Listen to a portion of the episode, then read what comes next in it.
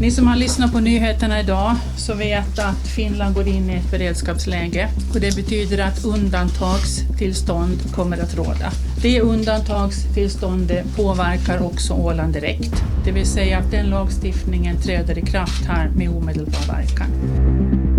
Den 16 mars 2020 meddelade Finlands regering att man inför undantagstillstånd i landet och tar i bruk beredskapslagen det innebar att Finlands regering tog över makten över hela landet inklusive Åland. Beredskapslagen hade då inte varit i bruk på 80 år, inte sedan andra världskriget. Skolor och universitet stängdes och statsminister Sanna Marin uppmanade de finländare som befann sig utomlands att återvända hem då hade Finland drygt 270 kända fall av covid-19, men inget av dem var på Åland. Nyss hörde du lantrådet Veronica Törnros under den första presskonferensen efter att undantagstillståndet trädde i kraft. I januari 2021 sade hon så här om samarbetet med riksregeringen. Jag skulle säga att det var ganska hektiskt. Vi, vi jobbade väldigt långa dagar och, och vi hade egentligen inte några färdiga strukturer på plats utan de, de byggde vi så att säga under, under resans gång. Så det var, det var jättelånga dagar. Och kanske lite så här, eh, ska vi säga en, en en, en spänning i luften av mera negativ karaktär. Det är lite svårt, jag hittar inte riktigt några bra ord. Men att, att försöka beskriva liksom känslan när du inte vet vart du är på väg. Hur upplevde du att informationen från Helsingfors funkar? Ja, den, var ju, den var ju väldigt bristfällig. Det, det går ju inte att komma ifrån. De, den mesta informationen fick vi ju, eh, fick vi ju via presskonferenser de försökte nog emellanåt ta kontakt liksom och hålla oss uppdaterade, men de hade ju det var ju likadant i Helsingfors, att de hade år liksom väldigt, väldigt mycket att fundera kring och de hann helt enkelt inte med oss. Hur länge tog det innan ni fick eh, formell information? Det fanns ju tillfällen när vi inte fick formell information förrän kanske en vecka senare. Ibland fick vi ju formell information på finska. Och det fanns ju tillfällen när vi inte fick någon formell information överhuvudtaget.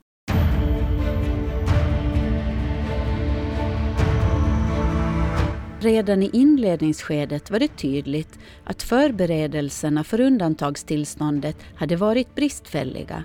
Så här sa Veronica Törnros i mars 2020 på presskonferensen angående vad som egentligen gäller på Åland. Det, det, saknas inte resurser i huset. Tjänstemännen arbetar nästan 24-7 för att kunna komma emot de berättigade behov som ålänningarna har av information. Men vi har svårigheter eftersom så att säga, informationsbasen ännu inte är färdig på rikshåll. Det, det är ofrånkomligt. Det är ingen kritik i det, men jag kan bara konstatera att det, det är svårt att, eh, att ta ett projekt vidare när, när första stenen inte ännu är lagd. Det gick oerhört snabbt från att vara ett virus som påverkade Kina och norra Italien tills vi hade det på vår egen dörrmatta, sade Ålands riksdagsledamot Mats Lövström i januari. Det var någon som sa, eh, sa så här i riksdagen ungefär under den där, den där tiden att, att eh, under en vecka så räckte det med att, eh, att tvätta händerna och, och nysa i armvecket och, och följande vecka skulle vi ner i bombskydden. Att, att nästan så det var ett ganska bra beskrivelse att ganska fort, eller mycket fort, så förändrades det där, det där läget. Att, att så, så, så minns jag det. Mats Löfströms roll som brobyggare mellan Åland och riket är informell. Det är inte riksdagsledamotens uppgift att säkerställa att Finlands regering ger tillräckligt med information. Men på grund av att, att det inte fungerade helt eh, optimalt, för att uttrycka det milt, i början av den här pandemin, så hade jag också en, en viktig uppgift att säkerställa att de kontakterna och den informationen som Ålands landskapsregering behöver få, att den också kom, kom vidare. Men eh, i början av eh, när det här undantagstillståndet utlystes och man tog i kraft beredskapslagen, så processen dit så var väldigt snabb. Det fanns egentligen ingen förhandsinformation att man skulle utlysa undantagstillstånd, att, att vi hade i riksdagen vissa, vissa riksdagsledamöter fått, fått lite, som man kan säga, vinkar om att, att det här kanske kommer. Men ändå var processen oerhört snabb eh, eftersom man inte har utlyst undantagstillstånd sedan kriget. Alltså det var en väldigt allvarlig sak. Så det, det försvårar ju naturligtvis eh, den här informationsgången, att man, att man kunde ge information på förhand. För ingen officiell information hade ju kommit till någon på förhand före man väl utlyste det här. Men sen när man väl hade fattat beslutet så tog det allt för lång tid innan man, man tog kontakt med, med landskapsregeringen Eh, utan man sammanträdde på en, på en presskonferens istället för att berätta om det här. Men, men, samtidigt som man, efter att man hade fattat beslutet och man förberedde sig på presskonferensen, så borde man ju genast från, från statsförvaltningen har varit i kontakt med landskapsregeringen och gått igenom att det här betyder det, undantagstillståndet och gå igenom den processen att hur påverkar det Åland, hur påverkar det självstyrelsen eh, och det tog alldeles för lång tid, flera dagar innan den, den officiella kontakten tog och den kom först efter att både justitiekanslern och, och eh, grundlagsutskottet i riksdagen poängterade de här sakerna i samband med att, eh, att beredskapslagen sattes i kraft. Och så får det inte vara, att den här saken måste ske automatiskt och här finns det mycket att förbättra när den här pandemin är över. Och visst hade jag en, en, en informell roll då men samtidigt så kan jag bara ha den där informella rollen och lita på att sen de där kontakterna sköts, att, att om det sedan inte följs upp och görs de sakerna som, som fast man har gett råden, eh, så då fallerar ju eh, systemet. Att, att, att jag kan ändå inte vara den personen som, som statsrådets kansli eller regeringen informerar för att sedan föra den informationen till, till landskapsregeringen att det är regeringen, eh, tjänstemännen där, myndigheter som måste enligt självstyrelselagen vara i direkt kontakt till landskapsregeringen och lands självstyrelsens myndigheter. Att, att det, det, den där direktkontakten måste fungera. Här så fungerar den inte eh, omedelbart i, i början på det sättet som den borde ha gjort. Under mars månad kom beskeden från riket i snabb takt. Den 31 mars 2020 sade lantrådet så här.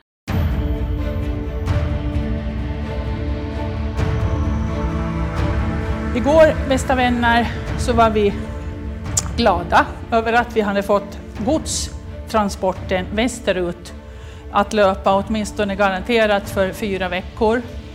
Men säg den glädje som varar för evigt. I Igår kväll fick vi sent information om från Traficom att man överväger att dra in alla persontransporter mellan Finland och Sverige, vilket också indirekt betyder att man väl kanske kommer att dra in transporterna mellan Åland och västerut. Det här har väckt en väldigt många frågor. Många är oroliga. Däremot kan jag informera att landskapsregeringen har haft under dagen täta kontakter både med Ålandsminister Anna-Maja Henriksson och med hennes statssekreterare Malin Brännkärr. Vi har också nu eh, varit i kontakt med statsministern och jag kommer imorgon att ha en telefonkonferens med statsminister Sanna Marin för att ytterligare tydliggöra behovet av att säkerställa persontransporter mellan Åland och västerut.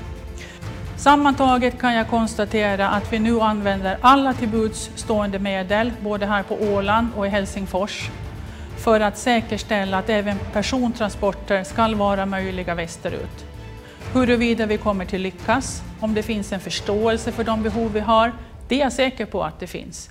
Men om det sen är möjligt att genomföra det, det kan jag inte svara på här och nu. Försökte ni någon gång ta kontakt eh, med riksregeringen? Jo, vi står ju inte i daglig kontakt, men ja, ett tag var vi nog i daglig kontakt både med Anna-Maja Henriksson och med hennes, hennes medarbetare. Jag hade också samtal med, med, med Sanna Marin och jag pratade med Maria Ohisalo, då inrikesministeriet, flera gånger. Så att på den politiska nivån fanns det kontakter. Och samma sak på tjänstemannanivå så fanns det kontakter, kanske inte på daglig basis, men ibland på daglig basis också. Men om du ser tillbaka, hur, hur mycket tycker du att man hade kunskap om självstyrelselagen? Väldigt låg kunskap. Alltså justitieministeriet har ju god kunskap om självstyrelselagen, men det var ju inte justitieministeriet som i första hand hanterade Ålandsfrågorna, utan det var ju social och hälsovårdsministeriet. och inrikesministeriet och, och speciellt vid social och hälsovårdsministeriet så fanns det nog stora, stora luckor vad gällde självstyrelsen.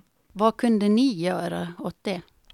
Vi kunde vid varje brev förklara självstyrelselagen och också förklara varför vårt ställningstagande baserar sig på självstyrelselagen och sen också vad vi hade för åsikter i, i, i den aktuella frågan.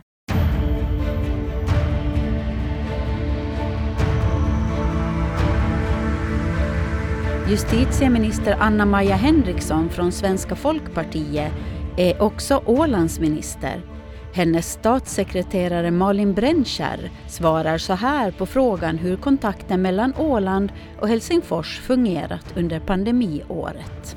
Alltså både bra och dåligt. Eh, det finns definitivt exempel på när det inte alls har fungerat som, som det ska. Eh, varje ministerium här i Finland är ju förstås för egen del eh, ansvarig för att hålla upp den här kontakten med Åland. Men sen tycker jag också det finns eh, tillfällen när det har fungerat bra. Eh, så både och, men, men det är klart att det finns definitivt rum för förbättring och det har också Ålandsministern eh, flera gånger under, under regeringens förhandling också påpekat.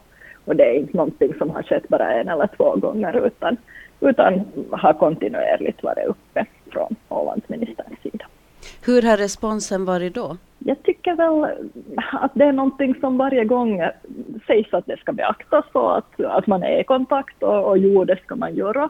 Men sen tyvärr har det ändå varit så att, att när nästa sak kommer eller när en ny sak kommer så, så måste man igen påpeka det här att det ändå inte alltid tyvärr har skett automatiskt. Beredskapslagen, varför är inte självstyrelselagen beaktad i den lagen? I samband med, med att man reviderade beredskapslagen här i början på 2000-talet så begärde man ju ett utlåtande från landskapsregeringen. Och, och där var ju landskapsregeringen väldigt tydlig med i det utlåtandet att man, man ser inte nu då att den är kompatibel med självstyrelselagen.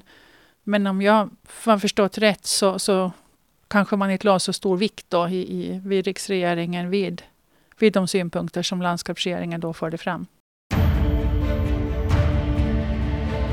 Beredskapslagen användes för första gången och var uppbyggd för att förbereda för krig, naturkatastrof eller kärnkraftsolycka eller något dylikt. Du hör Mats Lövström.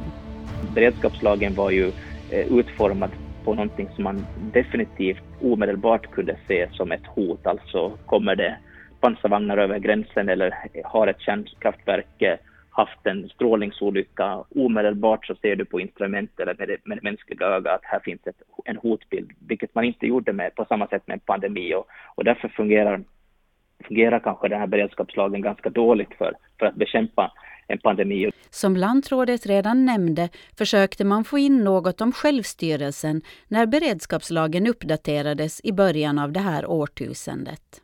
Det som är ganska intressant är att, eh, att grundlagsutskottet i riksdagen då uttryckligen påpekade när man gjorde den här beredskapslagen att, att det finns behov av att, eh, av att eh, Finlands regering och Ålands landskapsregering Eh, efter att den här lagen godkänns går, går igenom de här sakerna och utformar en överenskommelseförordning för hur saker ska skötas i praktiken ifall en sån här typs alltså situation uppstår att man behöver använda beredskapslagen. Men den saken gjordes aldrig. Det föll, föll säkert i glömska både hos Finlands regering och hos Ålands landskapsregering. Och, och, nu ser vi vad som, vad som hände med det och nu finns det ett stort behov istället att gå, gå igenom de sakerna i efterhand. Ålands speciella behov krockade ofta med riksregeringens åtgärder. Den 7 april år 2020 lät det så här under landskapsregeringens presskonferens. Däremot är vi från landskapsregeringens sida tveksamma till analysen som har gjort att Finlands regering har valt att omöjliggöra för svenska läkare att verka på Åland. ÅHS hälso och sjukvårdschef Jeanette Pajonen var kritisk mot regeringsbeslutet. Det beslut som, som Finlands regering idag har fattat är ett beslut som vi på ÅHS inte stiger upp och hurrar för. Eh, vi skulle ha en större förståelse för ett beslut som, som de facto skulle trygga att hälso och sjukvården verkligen fungerar. Det här är ett beslut som för Ålands del ställer till det och som, som gör att vi får ett, ett kraftigt medarbete och som också försvårar det arbete vi ska utföra inom hälso och sjukvården. Så det är en, det är en hälsning jag gärna vill, vill börja med. Det betyder ju inte att vi inte kommer att jobba enligt det här och vi har redan direkt på morgonen efter att, att eh, regeringen kom ut med sitt beslut så har vi då vidtagit åtgärder för att trygga att, att alla ålänningar ska kunna få den vård som det är meningen att man ska få. Under en presskonferens den 8 april 2020 sa Ålandsminister Anna-Maja Henriksson så här. Ålänningarna har naturligtvis samma rätt till skydd för liv och hälsa som alla finländare. Vi är alla likvärdiga. Regeringen har därför fattat beslut om att ålägga social och hälsovårdsministeriet att se till att verksamheten på Ålands sjukhus tryggas i samarbete med Ålands landskapsregering. Behövliga läkare ska skickas från fastlandsfinland till Åland och det säkerställs att den personal som kommer till Åland har tillräckliga kunskaper i svenska. Jag vet att den här lösningen känns jobbig för Åland. Jag vet att den väcker mycket känslor jag hoppas att ni förstår regeringens situation och genom den här lösningen som vi igår har kommit överens om så är målsättningen alltså att trygga hälsovården på Ålands sjukhus och se till att vi så gör så mycket vi kan för att hindra coronaviruset att spridas. Samma dag förklarade Anna-Maja Henriksson sig närmare i en intervju med Ålands Radio. Men jag förstår mycket väl att man på Åland tycker att, att det här är besvärligt och att man gärna skulle ha löst det på ett annat sätt och det har jag stor förståelse för.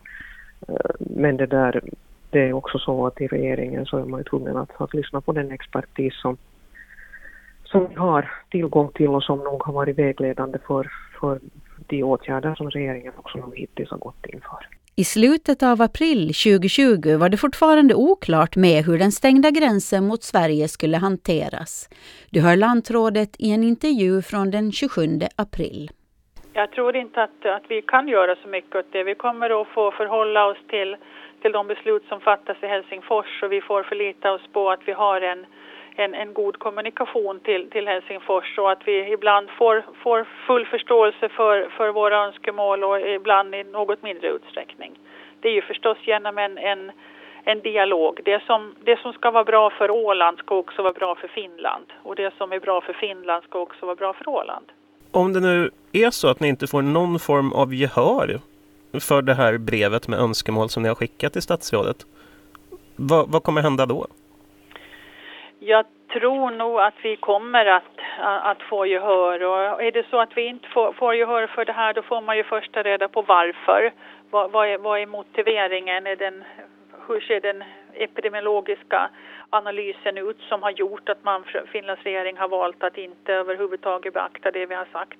Det, det, är ju det första som, som vi får ta ställning till och sen får vi i så fall arbeta vidare med, med nya utgångspunkter. Men du tror att ni kommer få gehör? Vilka indikationer har du på att ni kommer få gehör? Ja, den enda indikation jag egentligen har är att jag är en stark optimist i grunden. Så inget konkret med andra ord? Nej, inget konkret. Ja, i början var du väldigt diplomatisk och sa att det är inte läge att börja obstruera nu. Men hur länge tog det innan du fick nog? Nej, jag vet inte. Jag har ju ganska långt tålamod emellanåt, men jag kan väl tycka nu när vi skriver när vi skriver januari och man fortsättningsvis inte i Helsingfors eh, beaktar självstyrelselagen så, så tycker jag nog att mitt tålamod börjar tryta faktiskt. Vad kan du göra då? Ja, jag kan ju förstås vara lite gnällig här, här på hemmaplan, men, men det gäller ju att, att nog, noggrant bokföra och registrera alla saker som händer och sker så att man sen när, när pandemin är över kan sätta sig ner då och göra ett bokslut över vad som har hänt. Vad gick bra, vad gick dåligt, vad kan vi förbättra? Vad skulle du säga har varit det största problemet när det gäller riksregeringens beslut?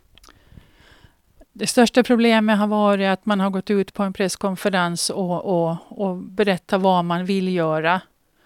Eh, utan att ha, ha lagstöd för det eller kunna tala om hur det ska förklara, eller kunna förklara hur det ska genomföras. Och sen, sen hade lagstödet då kommit flera dagar senare. Då har man redan skapat en ganska stor oro många gånger eftersom ingen egentligen vet hur det är tänkt att saker och ting ska genomföras. Och vissa saker har ju också sen då bromsats i grundlagsutskottet och riksdagen som inte har gått att genomföra. Hur mycket ansvar har du känt att ha legat på dina axlar när eh, kommunikationen har varit så här dålig från riket? Ja, det är klart att vi, det är ju inte, det är förstås jag som har huvudansvaret för det, men jag skulle säga att alla politiker i den här korridoren, mina kollegor och, och många, i princip samtliga tjänstemän som har varit inkopplade i det, så har ju alla försökt via sina kanaler, både på nivå och på politisk nivå, att ta, ta kontakten till, till Helsingfors. Och jag sa ju också inledningsvis att vi fäster inte så stor vikt nu vid att det här inte funktionerar så som det är tänkt, utan det viktiga är nu att vi har covid-pandemin i fokus och försöker liksom förhindra den. Och sen så kommer det nog en tid efteråt också när, när vi får föra ett resonemang kring självstyrelsen och, och vad det var som gick snett och, och vad man behöver tänka på för framtida bruk. Förvirringen fortsatte både när det gällde arbetspendling över den stängda gränsen och om restaurangernas öppettider. Så här lät det i Ålands Radio den 5 maj år 2020. För det första så är det en felöversättning från, från finska till, till svenska. Det noterar vi här på förmiddagen. Eh, för det andra så har vi varit i kontakt med, med Helsingfors nu på, på morgonen och, och frågat närmare specificeringar kring detta. Eh, och de har sagt att det, det har de inte ännu, utan det kommer tidigast torsdag. Så att det finns, finns ganska mycket frågetecken här som, som vi skulle behöva få klarhet i innan vi, innan vi går vidare.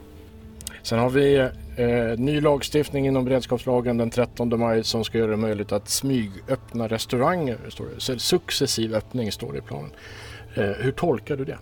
Ja, ja, ja det, det, lämnar ju ett otroligt tolkningsutrymme och, och det är ju det som eh, det är ju det som är det olyckliga i det här och där, där förväntar vi också att det ska komma mera, mera detaljerad information vad man dels avser med, med smygöppna och när man avser att successivt öka och hur man, hur man resonerar kring, kring just de frågorna. Så det, det är exakt samma sak där, att, att det finns ett uttalande, en viljeyttring från, från Finlands regering men men detaljmotiveringarna kring hur det ska förverkligas och inom vilken tidsrymd. Så det saknas ju på i princip alla väsentliga punkter ännu.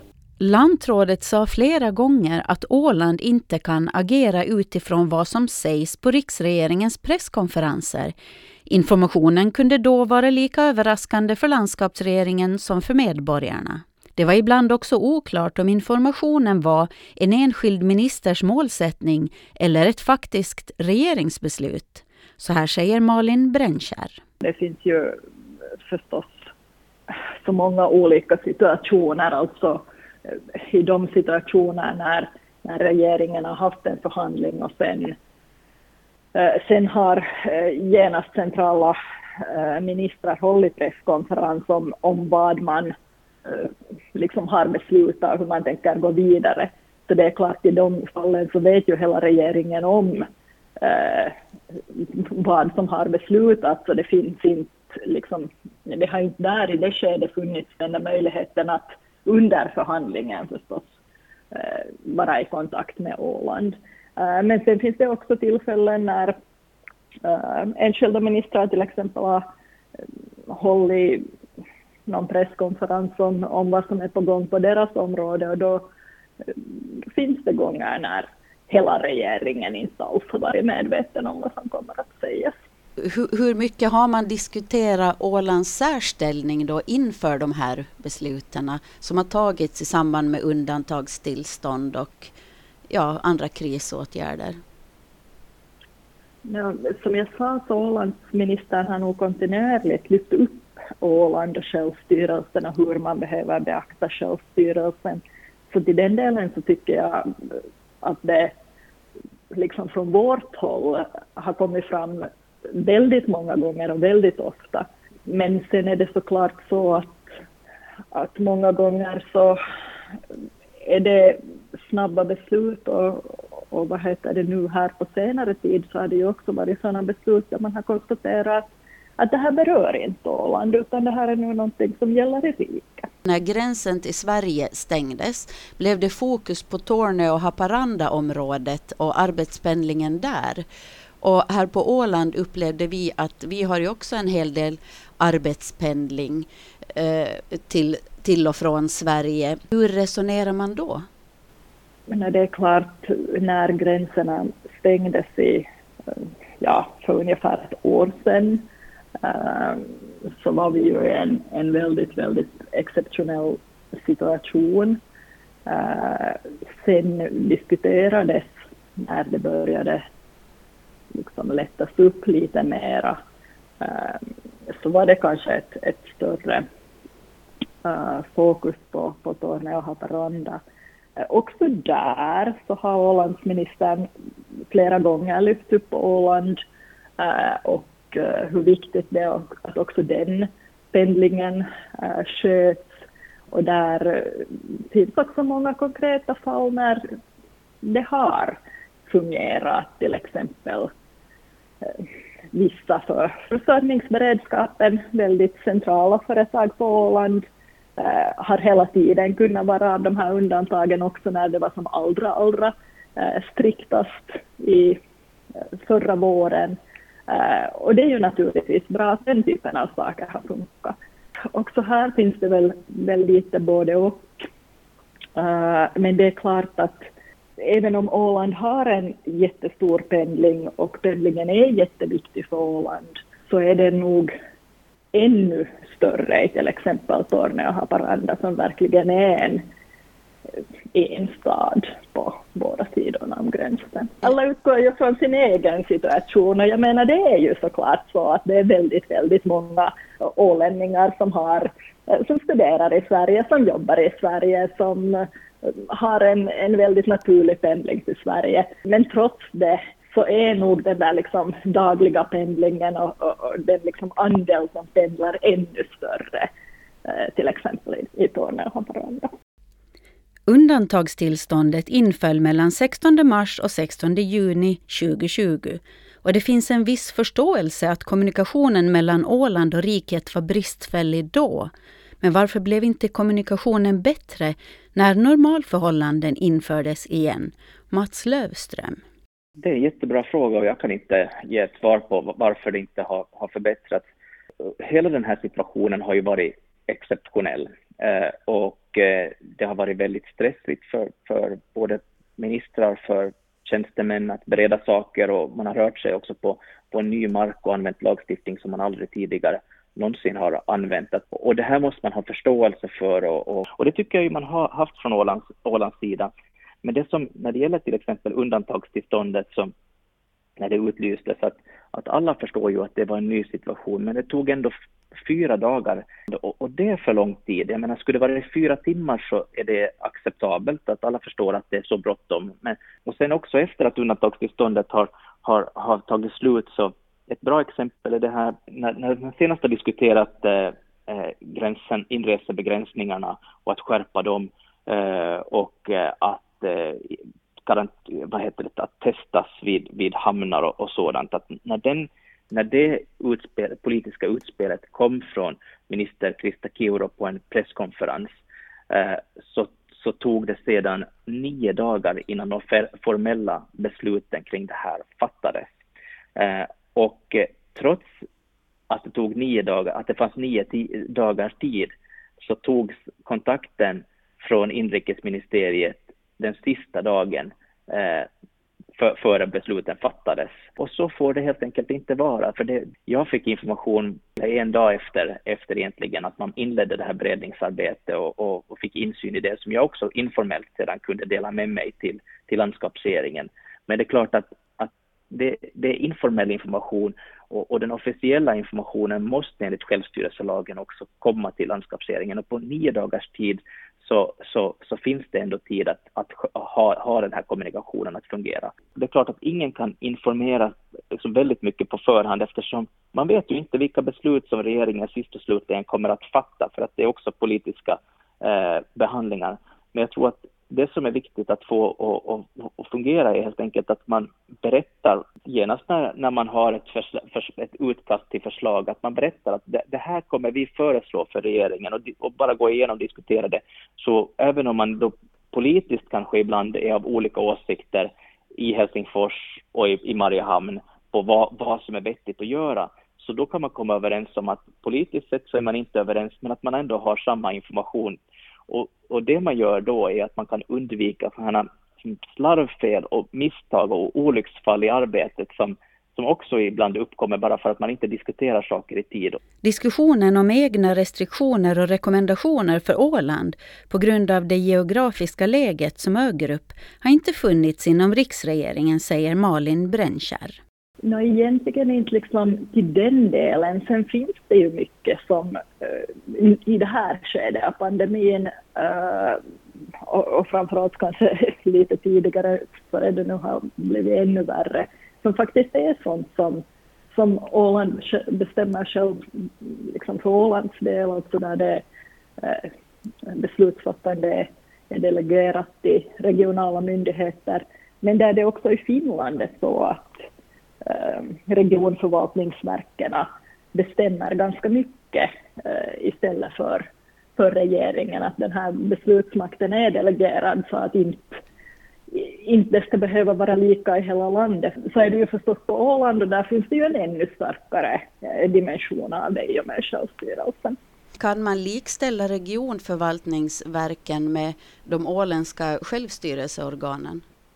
Nej, Alltså det kan man ju såklart inte, men och självstyrelsen är ju i en starkare roll uh, såklart. Uh, men beslutsfattande enligt smittskyddslagen som, som då är en del av, av rikets uh, behörighet är uppbyggd så att det för Finlands del uh, till mångt och mycket regionförvaltningsverken som beslutar och sen, sen på Åland är det då Ålands landskapsregering. Hur är det då med kunskapen om den åländska självstyrelsen inom statens förvaltning? Det borde finnas större kunskap eh, i statsförvaltningen och generellt angående Åland. Sen finns det väldigt många undantag. Det finns eh, ministerium och det finns enskilda tjänstemän som har en fantastiskt god insyn i självstyrelsen, goda kontakter till landskapsregeringen och, och där allting går som egentligen som ett självspelande piano, att det funkar jättebra.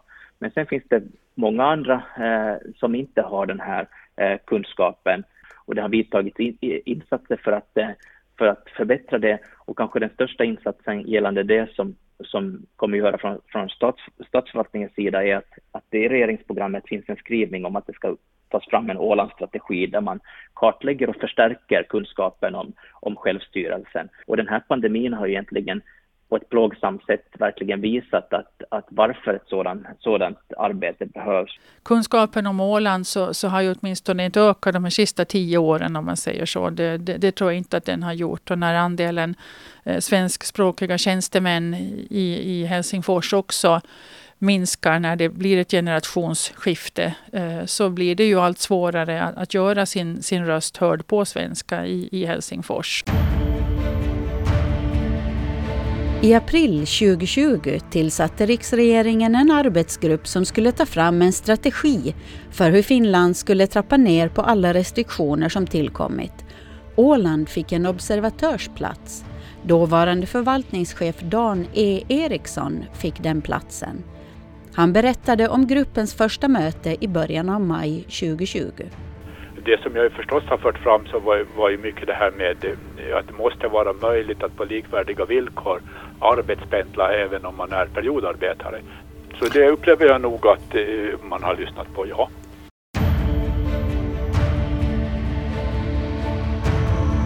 I mitten av maj kom det klart besked från riket. Åland får inte ha egna regionala restriktioner. Vi hör lantrådet på ännu en presskonferens. Det är ju helt i, i, i linje med, med så som Finlands regering har beslutat tidigare. Det vill säga att landet Finland är, är ett land och man, man gör inga undantag. Det, det enda undantag man egentligen har gjort det var när man stängde, stängde gränsen till, till Helsingforstrakten, till Nyland om man säger så. Vi kommer inte idag, men vi kommer på måndag i landskapsregeringen eh, att föra en fortsatt diskussion om det här och återigen lyfta fram Finlands, Ålands särförhållanden i relation till, till Finland. Det finns förståelse hos både Ålandsministern och hennes statssekreterare Malin Brännskär att ålänningarna är irriterade och frustrerade över att de upplever att självstyrelselagen inte tas på allvar. Det är ju en av orsakerna till att äh, Ålandsministern äh, Eh, som sagt upprepade gånger har lyft upp eh, att det här behöver beaktas, att det är viktigt att det beaktas och att eh, man måste följa självstyrelselagen också här. Så det, det har vi definitivt en förståelse för. Också det faktum att regeringen höll en, en Ålandsaftonsskola som var en viktig del av, av det här, även om den också handlar om, om mycket, mycket annat och kanske huvudfokus var annat än corona, coronapandemin, men trots allt så, så är det viktigt att ha de här forumen för, för dialog och där man äh, får diskutera överlag så tror jag väl att det eh, behövs snarare liksom fler äh, former av den typen, äh, eller kanske inte nödvändigtvis den typen, men liknande, som gör att man helt enkelt förstår varandra bättre. Tycker du att det är Ålands ansvar att se till att kunskapen finns hos eh, statsrådet och stat tjänstemännen? Nej, det är, jag tror att det är viktigt att det är ett samarbete. Eh, alltså det är klart att det är rikets sida att se till att den där grundkunskapen eh, finns. Malin Brännkär säger att nätverket med tjänstemän med Ålandskunskap visar att man anstränger sig att stärka kunskapen om Åland. Man ordnar också utbildningar och justitieministeriet ger ofta råd i frågor som rör Åland. Men sen är det naturligtvis viktigt att också, också Åland är aktiva och eh, där tror jag ju att det, det är bra ju fler äh, som ser äh, självstyrelsen och hur Åland fungerar med, med egna ögon att man får uppleva det och att det inte bara är någonting som aktualiseras när man, när man har ett ärende eller det kanske finns ett problem. På Åland, både politiskt och också annars, så, så, upplever vi att kunskapen om självstyrelsen och intresset för självstyrelsen har minskat inom statsförvaltningen. Eh, hur ser du på det? Det, det, det är jättesvårt att säga. Alltså under de snart, ja, eller under de tio år faktiskt som jag på något sätt har eh, följt Ålands frågor så tycker jag inte att det har varit en förändring. Men det är klart att över tid um, så kan jag bra tänka mig uh, att det har varit det. Alltså till exempel uh, antalet tjänstemän på, på ministerienivå som kan en uh, utmärkt svenska till exempel har blivit färre. Uh, och det gör kanske också att, att det känns svårare med den där kontakten. Nu är det ju så att det också många gånger eh, fungerar helt bra. Alltså det är ju inte så att det alltid är problem och det är alltid så att det inte fungerar. Eh, men det är klart att den här eh, pandemin har tyvärr visat några exempel på när det inte har fungerat på det sätt det borde.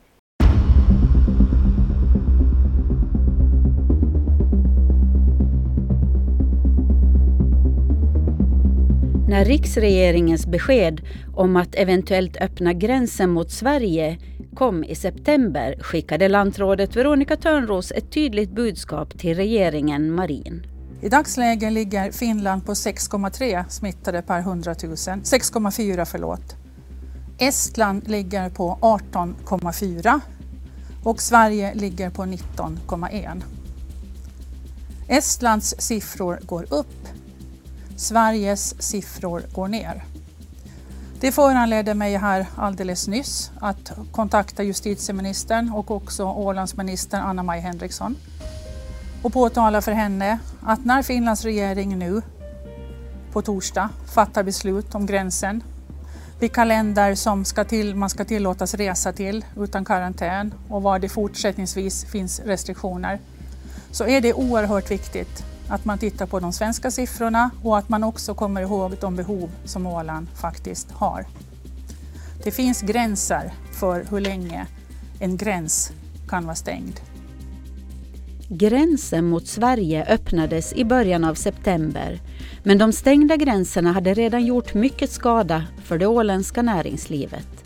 Den 11 september 2020 lät det så här när Finlands inrikesminister Maria Ohisalo från De gröna höll presskonferens. Åland ju, har ju drabbats exceptionellt hårt av de stängda gränserna, främst mot Sverige. Både med tanke på sjöfart och turism. Och arbetslösheten är rekordhög på över 10 procent. Eh, hur mycket har det här spelat in i beslutet att öppna gränsen mot Sverige? Såklart nu i budgetförhandlingarna måste vi ta itu alla de här frågorna. Det finns många sektorer som har drabbats för den här krisen eftersom den här krisen har varit här. Och såklart, vi har hela tiden haft kontakt med ålänningar och hör de här väldigt eh, svåra meddelandena därifrån. Och eh, vi har också igår diskuterat eh, till, till Åland och, och hört att de, de har varit väldigt nöjda med de här besluten vi kommer att ta. Så jag hoppas att, att situationen blir bättre. Så här sa Ålandsminister och tillika justitieminister Anna-Maja Henriksson från SFP när Finland öppnade gränsen mot Sverige. Jag är nog jätteglad över det här beslutet nu och mycket lättad också för, för Ålands del att det här har ju varit en svår och tung period så här långt nu och den har speciellt också vet jag belasta ålänningarna på, på många sätt. Och, så det här är nog ett mycket efterlängtat beslut på, på många sätt också för mig i egenskap av Ålandsminister och jag har jobbat kan man väl säga en längre tid för att vi ska hitta en, en god och bra lösning som gör att, att vi på ett tryggt sätt kan öppna upp gränserna. Tycker du att landskapsregeringen har tryckt på tillräckligt i den här gränsfrågan? Så landskapsregeringen har ju hela tiden varit aktiv och jag har haft en god dialog hela tiden med, med landrådet Veronica Törnros och jag var jätteglad att jag kunde också besöka Åland här för några veckor sedan eller det blir väl en månad sedan som Ålandsminister. Och äh, jag har ju som Ålandsminister också fört fram Ålands hälsningar rakt till regeringen eh, i alla de sammanhang som, som det där det har funnits möjlighet till. Så att eh, äh, Finlands regeringsbeslut nu så är ju ett helhetsbeslut som, som också nu är, är det där på allt sätt positiva också för, för Åland och jag är också ur den synvinkeln väldigt glad för att det här beslutet har kunnat tas.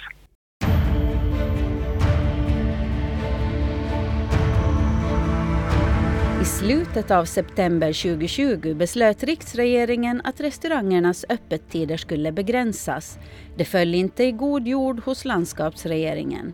Veronica Törnros sade att Åland inte kan påverka beslutet. Ja, de kan vi egentligen inte, inte påverka längre. Vi, vi hade möjlighet att ge ett skriftligt utlåtande och det har vi gjort. Och vi har också varit i kontakt med, med Helsingfors idag före de tog beslutet. Eller det var egentligen de som var i kontakt med oss. Och eh, för tillfället kan vi ingenting mer göra åt det här beslutet. Vad sa ni när de var i kontakt med er? Ja, vi sa ex exakt samma sak som, som vi sa i vårt utlåtande det är väl egentligen tre saker. Eh, för det första är vi ett självstyrt område och där, där hälso och sjukvården ligger under vår vanliga behörighet och det tycker vi att man kunde beakta. För det andra så är vi ett örike och det gör att vi har ju väldigt kontroll på inresande och utresande härifrån. Och det sätter ju oss i en speciell situation, i en bra situation faktiskt. Eh, och det tredje sen det är att eh, vi har ingen samhällssmitta som är konstaterad i, i vårt samhälle och vi har, vi har väldigt bra kontroll på det som kommer och ålänningarna har skött sig väldigt väl. Och därmed så tycker vi att det finns ingen anledning i dagsläget att stänga ner restaurangerna på det vis som, som man nu har gjort eller föreslår att man ska göra. Hurdant svar fick ni? Ja, det svaret har vi ju inte fått förrän på presskonferensen idag då, där vi konstaterar att man inte har beaktat de synpunkter som vi har fört fram. Kommer ni att gå vidare med det här på något sätt? Ja, vi har inte hunnit resonera kring det i landskapsregeringen. Vi har suttit i budgetförhandlingar sedan ja, i princip hela dagen så att vi har inte, inte hunnit fördjupa oss i det men att vi tar en diskussion imorgon. Vilken skulle du säga att har varit största missen eh, under den här 2020? Jag tycker kanske att det största misstaget ändå skedde när, när undantagstillståndet utlystes, att det tog fyra dygn innan en, en understatssekreterare på statsrådets kansli for, formellt var i kontakt med, med, med, med självstyrelsen om, om det här. Låt säga att, att om det hade varit ett militärt angrepp eller att det hade varit en, en, en allvarlig kärnkraftsolycka nära Björneborg, alltså inte kan man då vänta fyra dygn på att ta den formella kontakten till Ålands landskapsregering. Och, och, och det tycker jag är ett ganska bra liksom, exempel på att, att, att här måste systemet förbättras. Att sen finns det många kontakter under den här perioden som har funkat väldigt bra. Det är själva systemet som jag kritiserar. För systemet måste fungera bero, oberoende av vilka personer som sitter på de där tjänsterna. Intervjun med Mats Lövström gjordes i januari 2021. Likaså intervjun med Veronica Törnros. Då svarade hon så här om den största missen från riksregeringens sida. Det, det är svårt att, att, peka ut någon, någon enskild händelse. Jag, jag tror att jag avstår från det faktiskt. Men det var ju ändå mycket diskussion om att stänga gränsen till Sverige och eh, stoppa fartygstrafiken. Hur argumenterar ni med riksregeringen i den frågan? Ja, om jag minns rätt så hade vi ju två argumentationer. Den ena är ju då att dels så är vi ju ett ösamhälle. Så det är ju väldigt lätt att, att hålla koll på inresa och utresa i förhållande kanske till landet Finland med lång gräns också gentemot Sverige. Så där, där är det ju lätt för, för oss här då att, att hålla koll på det. Och det andra sen att vi ser oss som en gränsregion och tyckte att eh, man i, i norra Finland då fick en positiv särbehandling jämfört med vad vi fick. Och det, det tyckte vi också att var felaktigt. I januari 2021 sa lantrådet Veronica Törnros att hon fortfarande hade tålamod med hur kommunikationen från riket sköttes. Men hur är det nu i april 2021, över ett år sedan undantagstillståndet infördes första gången? Du menar om jag fortfarande har något tålamod? Ja. Jo, det, det, är klart att jag, att jag fortsättningsvis har ett, ett tålamod och det är ju det är ju egentligen kopplat till det att, att pandemin fortgår ju. Och det är ju ingenting som är statiskt vad beträffar den heller utan det kommer ju nya, nya regelverk eh, och förslag på, på nya lagar i princip alla veckor och, och rekommendationerna om vad man kan göra och inte kan göra så, så kommer ju också eh, på tämligen regelbunden basis beroende på hur, hur smittläget ser ut. Eh, jag kan väl tycka att den, den förändring i alla fall som, som är klart noterbar det är att grundlagsutskottet nu eh, alldeles har, har uppmärksammat det här och eh, i åtminstone två av deras utlåtanden från grundlagsutskottet så har man speciellt påtalat att, att diskussionen och relationen till Åland från, från statsrådets sida. Eh, så där finns en, en förbättrings, förbättringsförmån som man har lyft upp där och, och det är vi naturligtvis eh, glada och tacksamma för här från åländsk sida att de inte, inte bara tycker att vi är, är besvärliga och tjatar utan att det faktiskt finns ett, ett lagstadgat krav i, i botten som gör att, att vi lyfter språkfrågeställningarna på regelbunden basis. Men märker ni rent praktiskt någon skillnad? Nej, det kan jag inte säga att vi gör. Det tycker jag inte, nej. Det har ju varit också diskussioner om eh, beredskapslagen och självstyrelselagen och förhållande mellan dem. Eh, har man kommit någon vart i det? Nej, man har inte kunnat, kunnat ta tag i det arbetet heller, närmast beroende på att, att pandemin har väl kanske fortgått betydligt längre än, än vad någon egentligen hade förutsett eh, inledningsvis. Jag tror att åtminstone jag och, och många med mig så, så hade en förhoppning att det här skulle, skulle kunna lätta avsevärt mycket tidigare än vad, det, än vad det faktiskt har gjort. Så hur länge räcker ditt tålamod än? Eh, mitt tålamod räcker precis så, så länge som det behövs. Det vill säga, vi behöver få pandemin fullständigt under kontroll. Eh, vi behöver skapa möjlighet för ålänningar och alla andra i, i, i landet eh, att kunna resa och umgås på sedvanligt sätt. Eh, vi behöver få igång det privata näringslivet som ju sist och slutligen genererar vår välfärd, speciellt sjöfarten. Vi behöver återgå till ett normalt liv. Och när vi har gjort det, allting har landat, då är det läge att inleda en diskussion igen med Helsingfors hur vi tar det här vidare. Du har lyssnat på ett program om kommunikationen mellan Åland och riket under coronapandemins första år. Reporter Vanina Smeds.